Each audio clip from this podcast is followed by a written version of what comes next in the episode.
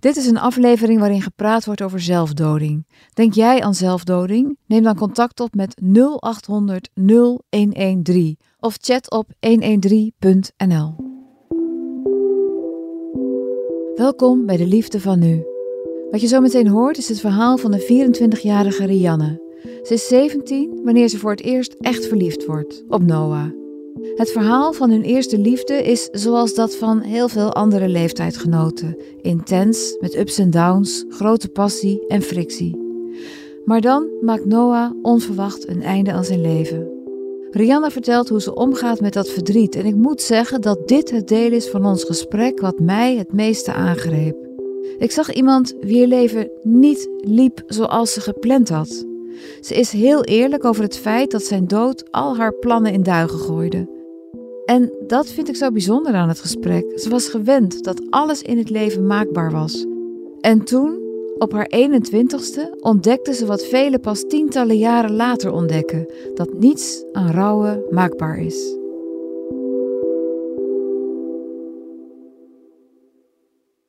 We konden elkaar gewoon heel erg raken. Ik denk dat dat het vooral is.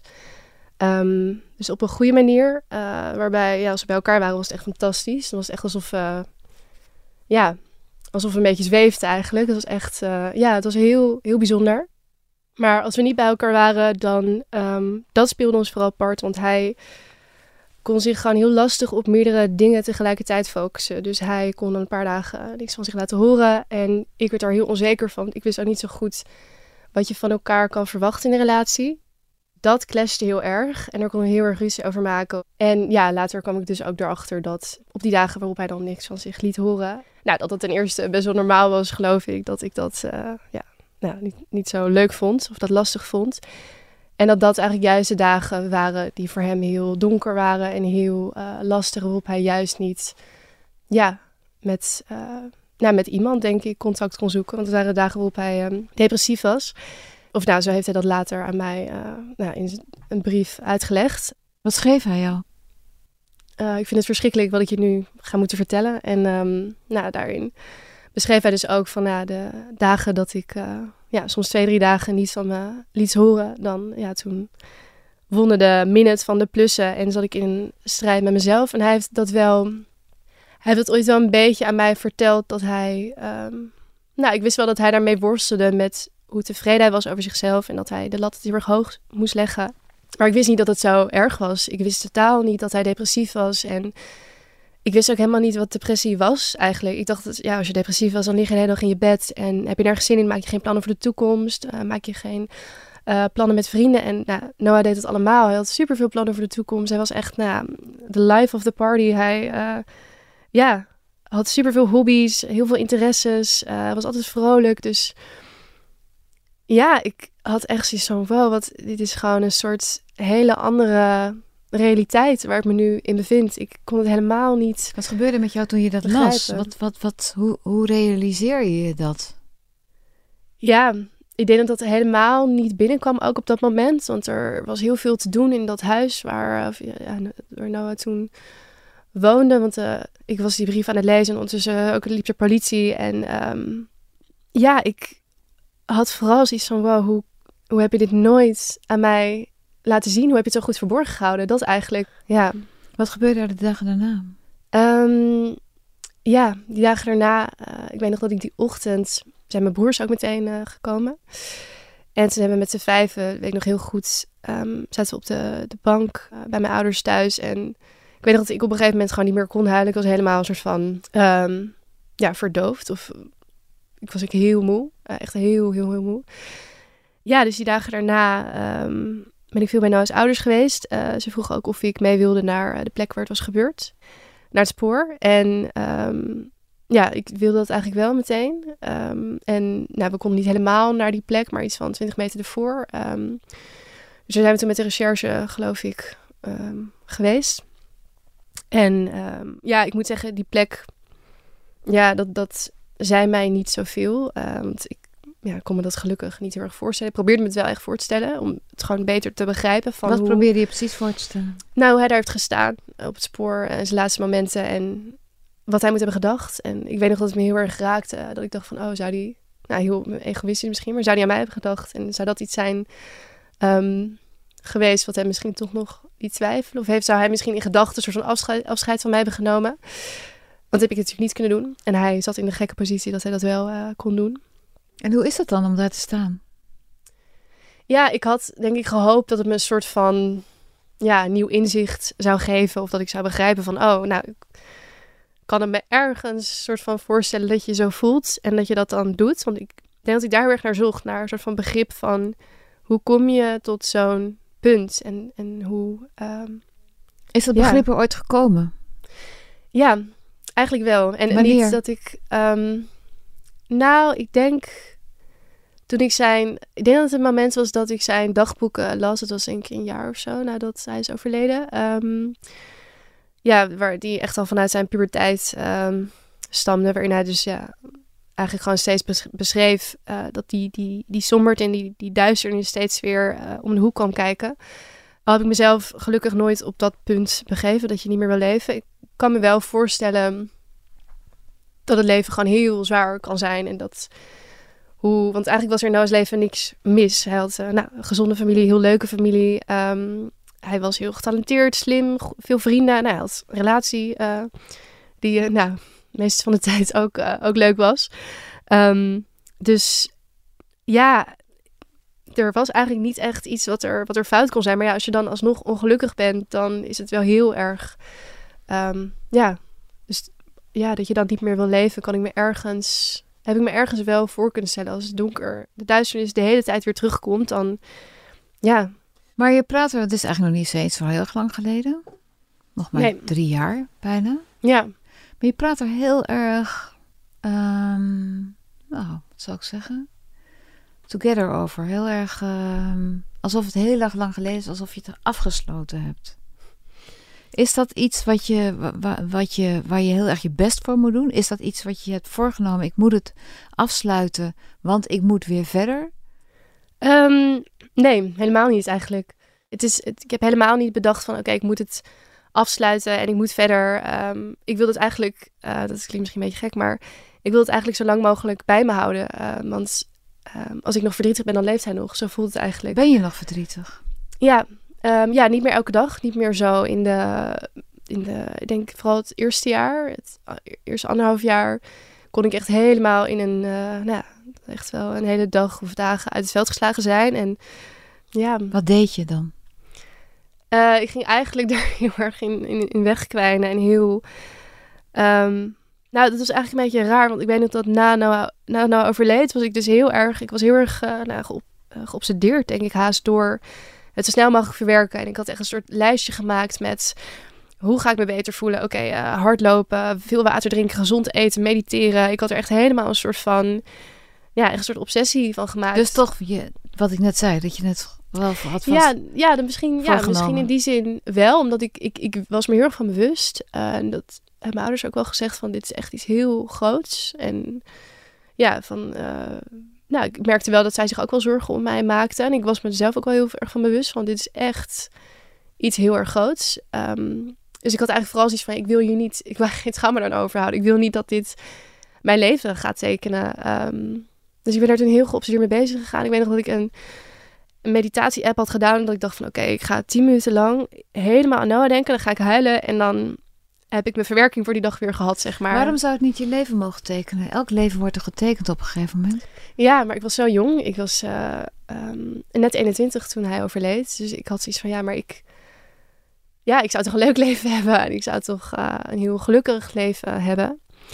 En ja, natuurlijk heb je er geen controle over. En ik, ja, ik had alles heel mooi gepland. En ik ja, had een heel ander leven voor me gezien ja, ik wilde vooral gewoon niet dat ik alleen maar verdrietig nog zou zijn. En ik, ik had helemaal geen ervaring met de dood op die manier. En dan helemaal niet met het.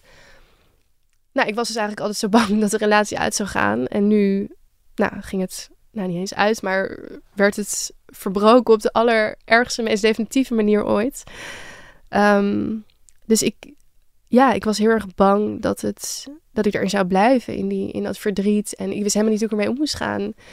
Ja, maar werkte het, die lijstjes en dat, en dat hardlopen en water drinken? Nee, werkte niet, die lijstjes. Nee. Ehm, nee, het werkte niet. Of ja, goed, ik denk dat het nog erger was geweest als ik elke dag uh, dronken was geworden en uh, alleen maar McDonald's had gegeten. Maar waarom denk je dat? Waarom is dat? Het is toch niet zo erg om je gewoon eens keer om, om, je, om je daar helemaal aan toe te geven? Um, nee, nee, dat klopt ook. Nee, maar ik, nou. Wel, als je niet eens mag toegeven aan verdriet over je geliefde, ja. waar dan nog wel over? Ja, ik heb, was eigenlijk juist heel erg bezig met, ik mag het niet wegstoppen en ik moet er heel bewust mee bezig zijn, want dan verwerk je het het beste. En ik denk dat dat heel goed verwerken, zeg maar, dat, dat ik dat dacht dat ik dat kon vinden in die, nou, die lijstjes. En ik dacht heel erg van, nou oké, ik moet er elke keer als ik het soort van voel, moet ik er helemaal in gaan zitten. En dan ehm, las ik nou eens brief weer um, en nou, draaide ik alle nummers die ik met hem associeerde en Um, ik heb heel veel opgeschreven, echt alleen maar echt boeken vol geschreven over wat ik op dat moment voelde. En het waren altijd in de vorm van brieven naar Noah. Um, ja, ook wel uh, professionele hulp gezocht. Um, ja, waar ik uiteindelijk dan ook wat minder uithaalde, denk ik. Of ik, ja, ik was heel erg bezig met, oké, ik moet dit zo goed mogelijk verwerken. Maar het lastige vond ik eigenlijk juist dat, nou, je kunt er heel veel met vrienden over hebben, maar uiteindelijk moet je het alleen doen. En er is niemand die het ook heeft meegemaakt um, op deze manier. En um, ja, dus eigenlijk de eenzaamheid die erbij komt kijken, vond ik, vind ik nog steeds um, het lastigste. Dat iedereen, nou, ook mijn ouders en vriendinnen hebben wel eens gezegd van als maar een klein stukje van je over zouden kunnen nemen, dan zouden we het heel graag doen. ja, je weet helemaal niet hoe je ermee moet dealen. Ja, je grote liefde overlijdt. Ja, wat, je bent 21, wat doe je dan? Kun je schetsen wat er gebeurde in die, in die jaren daarna? Mensen, mensen zeggen altijd er zijn verschillende uh, fasen in de rouw. Vind jij dat ook? Um, nou, ik heb dat ook echt gegoogeld toen ik thuis kwam van inderdaad die hele avond dat Noah is overleden. Van oké, wat zijn de vijf fases van rouw? Hoe kom ik hier zo snel mogelijk overheen? Dus ik dacht van nou oké, okay, ik blijkbaar is er eerst, uh, nou, of moet je acceptatie en dan woede en dan uh, komen inderdaad al die fases. Um, ik heb dat echt totaal niet uh, gevoeld als fases op die manier, zoals het altijd wordt omschreven. Dat je inderdaad dan ook woede erbij komt kijken. Me eigenlijk nooit echt boos gevoeld op Noah. Nou, misschien wel op het leven. Als ik me zo uit het veld geslagen voelde, dacht ik wel van, nou, waarom... Ik heb er ook allemaal niet om gevraagd, waarom, heb, waarom is dit mijn leven? Waarom eh, gebeurt mij dit? Um, maar dat is dus, ja...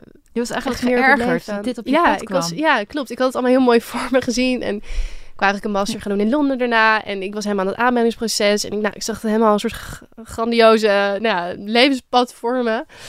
Um, en ja, dan komt dit ineens op je pad. Dus ik, het ja. klopte niet met je planning. Nee, nee, het klopt niet met mijn planning. Nee. Nee, dus nou, ook weer... Nou goed, dat is inderdaad wel iets wat ik nou, daardoor heb ingezien. En, en dat... daar heb je weer een andere planning voor in de plaats gesteld. Namelijk die lijstjes en die... Dat is toch ook...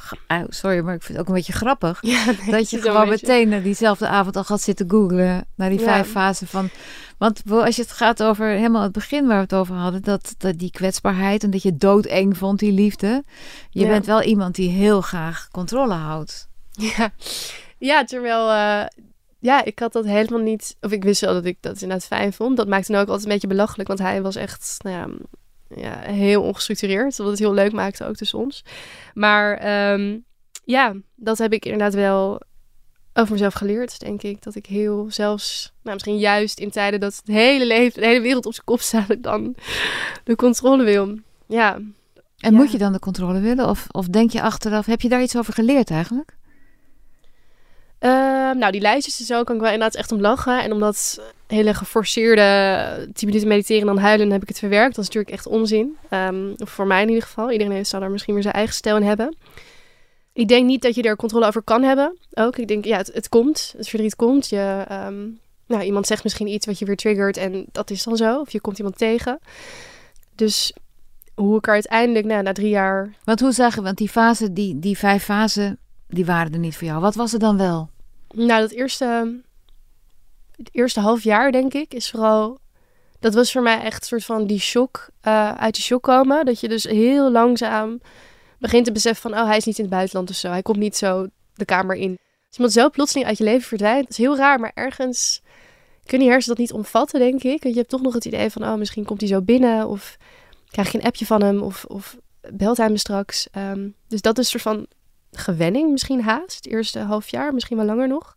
En daarna heeft het bij mij eigenlijk um, ja, ik moest ook heel erg gaan bedenken van... oké, mijn leven loopt dus niet zo. Ehm, ja, wie ben ik dan eigenlijk zonder Noah, zonder liefde... zonder dat iemand ehm, ja, zo van mij houdt? En wat wil ik nou echt in het leven? Ehm, want ja, Noah legt dus de lat voor zichzelf altijd Is het nog steeds de periode van rouw die je nu omschrijft? Ja, nou, dat was er nog wel steeds. Zeker. Maar ik denk dat het toen heel een soort van existentialistisch werd. Van hoe... Van ja, mijn leven ligt zo ten gronde. Hoe kan ik het weer opbouwen op een soort van de fijnst mogelijke manier? Ik denk dat dat het vooral was. Dus Want dat was wat je dacht. Dat was wat Ja. je wilde. Je, je leven lag helemaal op zijn gat. En je wilde er eigenlijk zo snel mogelijk weer naar het Ja. punt waar je was toen je Noah nog had. ja, precies dat eigenlijk inderdaad. Hoe heeft het je veranderd? Ehm, ja. Nee, je zou het niet zeggen, maar ik denk dat ik er dus juist iets losser van ben geworden. Ik heb dus denk ik juist het idee van, oké, ik kan de controle wat meer loslaten. Je moet hem lachen. Ja, omdat het aan de ene kant ook niet zo is. Want ik heb nog steeds iets van, oké, ik wil een soort plan hebben voor de toekomst. Uh, maar dat is, ja, ik weet niet of dat zo... Uh, maar wat kan je loslaten nu, wat je vroeger niet kon loslaten? Of misschien in het begin toen het net gebeurd was nog niet? Nou, nou, dat is het misschien wel. Ik heb inderdaad wel zoiets van het leven, ja, het leven kan gewoon lopen zoals het, zoals het loopt. En dat kan heel verschrikkelijk zijn. Eh, Weet je, het kan over een minuut gebeld worden dat er iets verschrikkelijks is gebeurd, maar het kan ook over een minuut gebeld worden dat er iets heel leuks is gebeurd. Dus dat is op een leuke manier dat ik aan de ene kant heel erg de schoonheid inzie van toevalstreffers of een eh, zijpaadje nemen. Ik heb ook, eh, ja, nadat ik hou heel erg van Rome ook. Ik heb daar ehm, eh, een tijdje een taalkursus gedaan voordat Noah overleed. En het was echt een van de leukste periodes uit mijn leven. En toen kwam ik terug en toen ging Noah dood. Dus nou, dat was een hele scherpe overgang, sowieso. Ehm, dus nadat in de september, eh, nadat Noah overleed, en Noah overleed in januari, toen had ik zoiets van, oké, ik ga terug naar Rome en ehm, ja, me hopelijk weer iets beter voelen. En toen kwam ik iemand tegen die op straat eh, zong, was een straatzangeres. En eh, ik vond het heel leuk, was heel geïnspireerd door haar, maar ik durfde het helemaal niet. Ik heb super erg eh, eh, podiumangst. Ik ben helemaal niet de persoon om op te gaan treden ergens. En maar zij zei van, nee, en weet je, probeer het gewoon. Dus ik had toen één nummer gezongen. En dacht van, oké, dit is eigenlijk wel iets wat ik heel eng vind, maar wat ik eigenlijk gewoon moet gaan proberen, want ik vind het zo leuk en het, eh, ja, het maakt me, zo, maakt me zo blij. Dus toen ben ik een paar maanden later ehm, naar Spanje gegaan en ehm, eh, met het idee om, nou oké, dan ik ga naar Zuid-Spanje en reis daar rond met mijn gitaar ehm, om daar muziek te gaan maken. Dus ik ben naar Madrid gegaan, heb daar op de markt een gitaar gekocht en een versterker en eh, een microfoon. En toen ben ik door Zuid-Spanje gaan reizen op straat, op straat zingen. Dus dat is iets wat ik ook echt, nou ja, eh, voordat ik nou ook er niet eens aan had gedacht. Maar het was ja, ook een van de meest bijzondere tijden uit mijn leven. Hoe was dat? Heel leuk. Ja, het was heel, heel bijzonder. Ehm, soms keek ik ook naar mezelf en dacht van, oh, wat ben ik aan het doen eigenlijk? En ik vond het heel eng. Het was echt vooral ook een soort van uit mijn comfortzone. En ik, ik, ja, die eerste twee nummers vond ik dat heel spannend. En dan daarna ging het eigenlijk nou, wel prima, geloof ik. Ik deed het ook niet elke dag voor acht uur lang of zo. Het was gewoon een uurtje. En alleen als ik er zelf zin in had, als ik er geen zin in had, dacht ik, nou oké, dan gewoon niet. Ehm, ja, het was een heel vrije tijd. Een heel avontuurlijke tijd. Ik leerde een heel andere kant van mezelf ook kennen. Namelijk, welke kant? Ja, een heel avontuurlijk, heel onbezorgde kant. Dat was denk ik vooral. Ik, ehm, dat is ook iets, nou, iets negatiefs wat nou, nou erg veranderd is. Ik, die onbezorgdheid ben ik heel erg kwijtgeraakt. Het uit zich ook in dat ik bij mijn ouders bijvoorbeeld best wel bang kan zijn van... oh, die kunnen natuurlijk ook op elk moment overlijden. Of daar kan ook... ehm, ja, ik ben me wel een stuk bewuster van het instabiele van het leven. Dat, want als je 21 bent, ben je heel onbezorgd. En of ja, je denkt een beetje aan nou, feestjes en ook wel eh, natuurlijk grote levenskeuzes, maar met een heel andere blik dan, dan ik, denk ik, nadat nou overleed. Is dat ook wat je eenzaam maakt? Dat je gewoon op je, Ja. op je generatiegenoten ja, eigenlijk een voorsprong eh, hebt, omdat je dingen hebt meegemaakt die je eigenlijk pas over 50 jaar mee hoort te maken? Ja, ontzettend. Ja. En mensen hebben denk ik ook op, op die leeftijd nog niet zo'n besef van wat rouw is. Of natuurlijk zijn er ook mensen die dat echt wel hebben meegemaakt. Maar goed, de gemiddelde 21-jarige denk ik niet. Ik heb wel iets van die onbezorgdheid teruggevonden. Het is niet alsof ik nu eh elke dag verschrikkelijk is of zo. Ik heb, ik heb wel weer een leuk leven. Zeker. Ik ben er weer gelukkig. Het is natuurlijk wel, wat er is gebeurd wordt nooit minder erg. Dat is het feit aan zich en het verlies. En ik kan nou nog wel heel erg missen. Op Ehm, welke momenten? ja, ik denk als ik me dus ja, me eenzaam voel of als er iets. ehm Wanneer was dat voor het laatst? goeie vraag. Ehm, misschien dat. ehm, paar dagen geleden was, toen was er iets niet helemaal gelukt. Of ik was er even op een punt dat ik dacht van oké, wat wil ik nou eigenlijk in mijn leven doen? En ik had daar een beetje teleurstelling in te verwerken. En Noah was gewoon, ja, die kon me dan altijd weer het gevoel geven alsof ik alles kon. En alsof, uh, nou, alsof alles ook wel goed kwam. En we konden ja, vooral ook gewoon heel erg, heel erg lachen. Dus het was ook een bepaalde luchtigheid die hij, hij me bracht. En ook soms zie ik de liefde nu weer ervaring van, oh, maar het is toch niet zoals Zoals met Noah. En misschien dat is natuurlijk het lastige, want je ja, maakt bedoeld of onbedoeld denk ik wel een beetje een heilige van iemand. Terwijl ja, Noah had natuurlijk ook um, ja, echt wel zijn slechte kanten. En hij heeft me ook wel gekwetst, ik hem ook. Um, maar toch is dat wel weer de liefde die ik wil ervaren op die manier. In die kan, je, kan je weer verliefd worden? Ben je verliefd geworden weer? Ja, ik ben wel weer verliefd geworden. Um, is ook weer voorbij gegaan. En ik denk dat dat wel anders was. Ja, het was anders dan met Noah was. En ik denk dat het, ja, nou, het heeft natuurlijk ook te maken met dat Noah mijn eerste liefde was. En dat dat op een, andere, ja, op een bepaalde manier sowieso intenser is. Maar uh, ja, ik denk dat, dat Noah nog wel te veel in mijn hoofd zat op een manier. Um, denk ik dat het te veel vergeleek, denk ik nog. Wordt dat minder of blijft dat? Ik merk eigenlijk dat nu weer een beetje terugkomt nu ik zo'n tijdje geen relatie meer heb. Of een half jaar, geloof ik. Als ik ja, misschien een beetje die genegenheid voel. Of überhaupt gewoon het hebben van een... Uh, een vriend. Um, dat ik dan wel denk van, oh, ik had het gewoon met Noah. En natuurlijk weet je niet of we um, ja, samen oud waren geworden. Maar in die tijd als een relatie had, dacht ik wel van, nou, dit is... Ja, kan zomaar zijn dat we gaan trouwen of uh, dat we zouden gaan samenwonen. we waren nog zo jong. Dus daar kan ik wel eens, ja, nog steeds wel boos om worden van, nou, weet je, ik had het gewoon. Ik, ik en het is me, ja, me afgenomen. Ja, het is... Ik heb het nu niet meer. Het is... Uh, het, mijn leven had zo anders kunnen zijn met hem. En hij heeft ervoor gekozen om dat niet um, ja, voor te zetten. Maar goed, dat is natuurlijk niet alleen maar om mij. Helemaal niet om mij. Um, maar dat is dan een beetje een egoïstische gedachte die me dan soms bekruipt. Ja, van, Waarom egoïstisch? Nou, omdat het natuurlijk niet... Je gaat, ja, ik kan me ergens wel voorstellen dat je, als je zo ongelukkig bent, dat je dan... Hoe leuk je relatie ook is, ja, je kan niet voor iemand anders leven. Maar Heb je jezelf ooit iets verweten? Ja, dat is dat ik... Um, dat ik het niet heb gezien, dat ik het niet heb gemerkt. Um, maar je denkt toch van, nou ja, dit is de persoon die ik door en door ken en die nou, zich veilig voelt om alles te vertellen.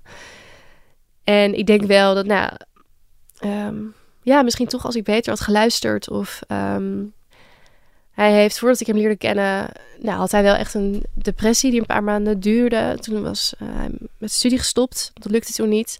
En dat wisten zijn ouders ook. Het was, iedereen wist dat. Um, maar um, ja, toen was hij ook gewoon heel anders dan hij was dan toen we hem kenden. Dus er is nooit, um, ja, ik heb ze inderdaad niet gezien. Maar ja, ik denk dus ook omdat hij het verborgen wilde houden.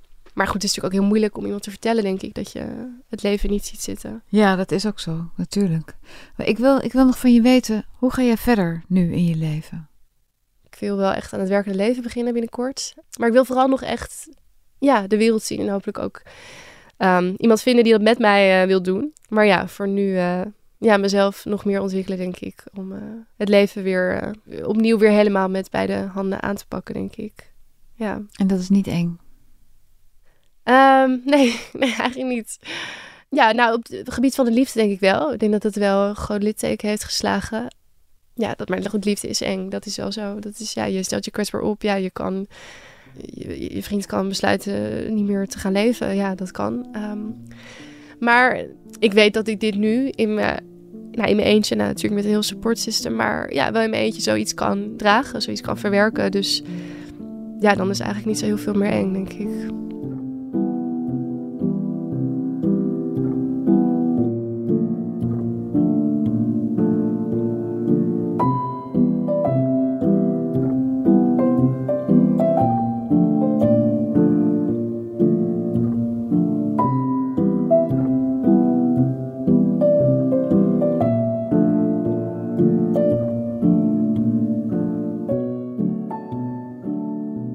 Was De Liefde van Nu.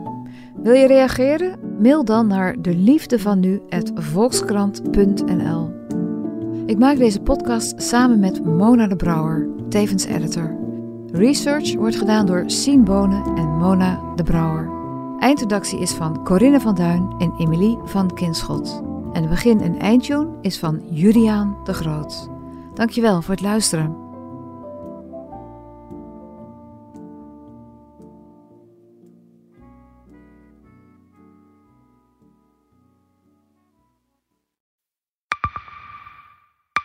Zijn leven is overhoop gegooid. Plus dat heel veel mensen hem niet geloven. Vrienden niet, die, die denken, ja, hij is gewoon gek geworden. Hoe naar moet dat zijn? Als je vertelt over de meest indringende ervaring uit jouw leven en niemand gelooft dat je het echt hebt meegemaakt. Ja, ik vind zelf niet dat ik het verzonnen heb, maar sommige mensen denken dat wel. Maar hoe kom je erachter of jij je doelwit bent van een geheime dienst? Ik heb ook wel eens meegemaakt dat je het idee hebt dat inlichtingendiensten in je geïnteresseerd zijn. En dan kun je wel heel veel zien, wat er misschien helemaal niet is. Als ik s'avonds nog iets ging eten, dan volgden die mensen mij naar het restaurant. En dan terug van het restaurant naar het hotel. Als zij op een gegeven moment zei, kijk maar uit, want anders word je dadelijk nog het voert ook. Shit, ik moet hier weg. Dat is, is niet goed. Nu word ik gevolgd. Een soort Truman Show is het gewoon. Hè? Alsof dat hele straatbeeld voor jou is ingericht. Maar dan wel met bedoeling jou, jou niet door te laten. Dit kan geen toeval zijn. Een nieuwe podcast van de Volkskrant.